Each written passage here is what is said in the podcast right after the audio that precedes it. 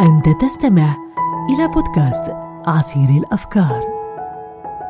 الفكر هو حركة عقلية في المعلومات الحاضرة لأجل الوصول إلى المطلوب، إلى العلم بالمجهول الغائب. بالمجهول الغائب. للأفكار قوة تؤثر على واقعك وتشكله، على سلوكك، على موقفك. تنتقل من عقلك فتؤثر على عقول الآخرين. على عقول الآخرين. أهلا بكم في كتاب كليلة ودمنة يقال أن ناسكا اشترى كبشا ضخما ليجعله قربان. فانطلق به يقوده. فبصر به قوم من المكرة فأتمروا بينهم أن يأخذوه من الناسك. فعرض له أحدهم فقال أيها الناسك ما هذا الكلب الذي معك؟ ثم عرض له الآخر فقال ما هذا ناسكا؟ لأن الناسك لا يقود كلبا.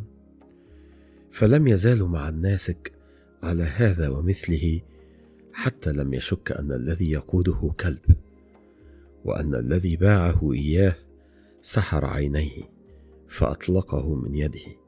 فأخذه الجماعة المحتالون ومضوا به.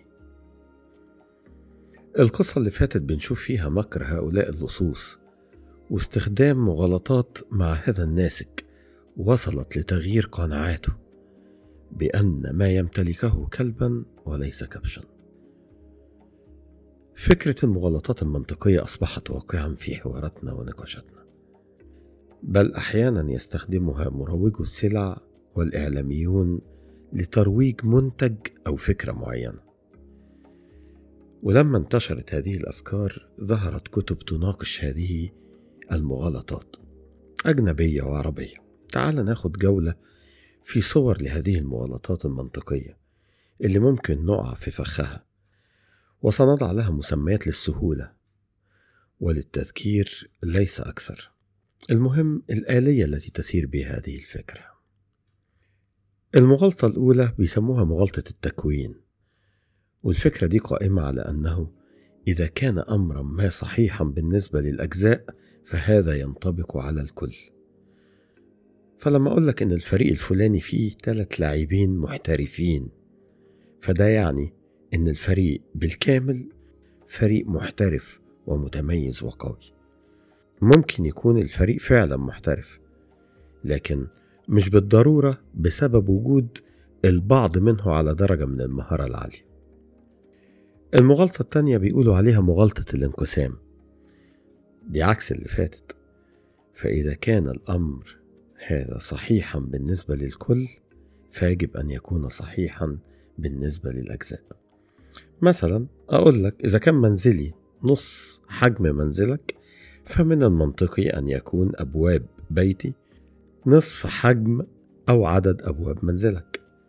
مغالطة واضحة جدا فما ينطبق على الكل ليس شرطا أن ينطبق على الأجزاء المكونة له وقس على ذلك كثير من الأمور.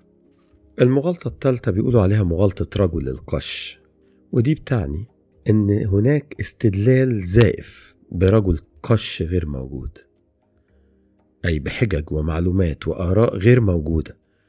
ولم يكن المحاور بطرحها على الإطلاق.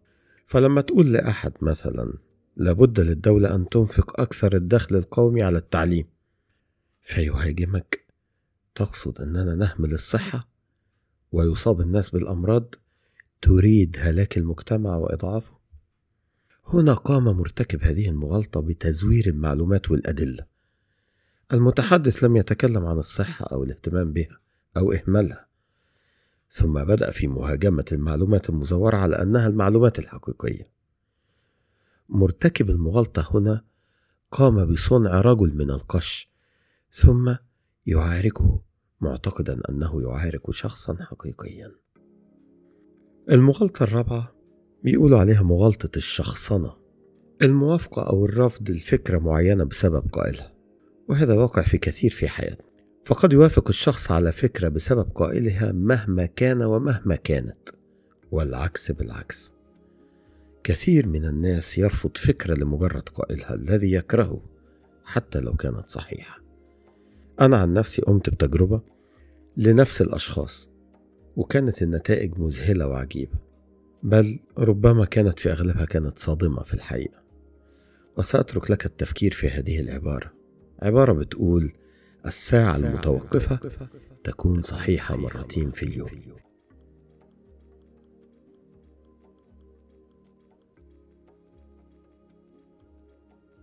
المغالطة الخامسة ودي بيقولوا عليها مغالطة الاستدعاء لسلطة غير متخصصة. في بعض الأحيان بيكون من المناسب النظر فيما يعتقده الخبراء حول موضوع ما لكن المناشدات الخاطئة للسلطة تجلب شخصا خبيرا في مجال غير ذي صلة تماما وتتوقع منك أن تعامله كخبير في هذا المجال.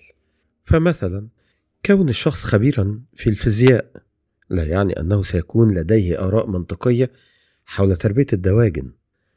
وكنت أتعجب من إقحام أهل الفن لشهرتهم في وسائل الإعلام ليتحدثوا عن قضايا مصيرية في الأمة أو فتاوى دينية أو آراء سياسية أو اقتصادية. لمجرد أن الناس قبلت هذا الفنان في مسرحية أو حلقات تلفزيونية أو مسلسلات في دور معين أو بطل في فيلم ما.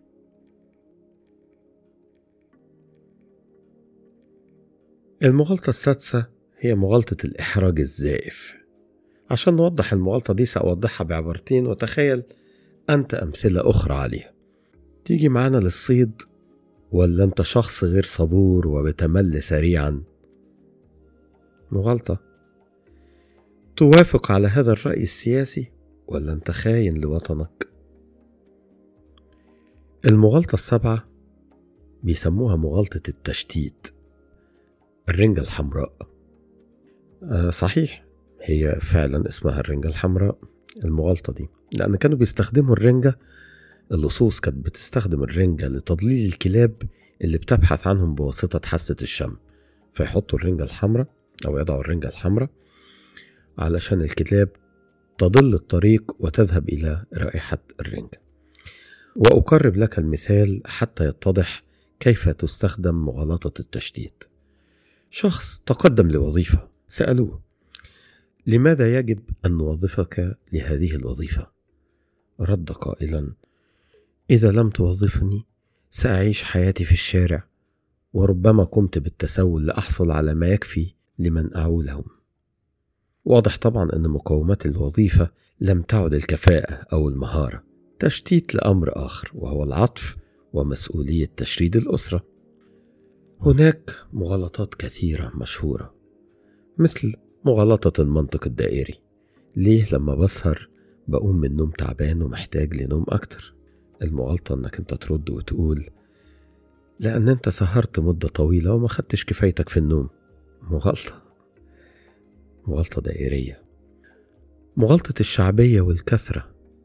هذه السيارة يستخدمها خمس ملايين شخص ولا يمكن أن يكونوا مخطئين. مغالطة الجديد. الدول المتقدمة بتعمل كده. مغالطة القديم. ده شيء مجرب بقاله سنين طويلة. كثير من المغالطات المنطقية يعتمد عليها الناس في نقاشهم وحوارهم. يحدث الخلاف سوء الفهم المتعمد أو غير متعمد. التشبث بالآراء الخاطئة لأننا لم ندرك أنها مغالطات منطقية. بكده تكون حلقتنا انتهت النهارده من بودكاست عصير الأفكار.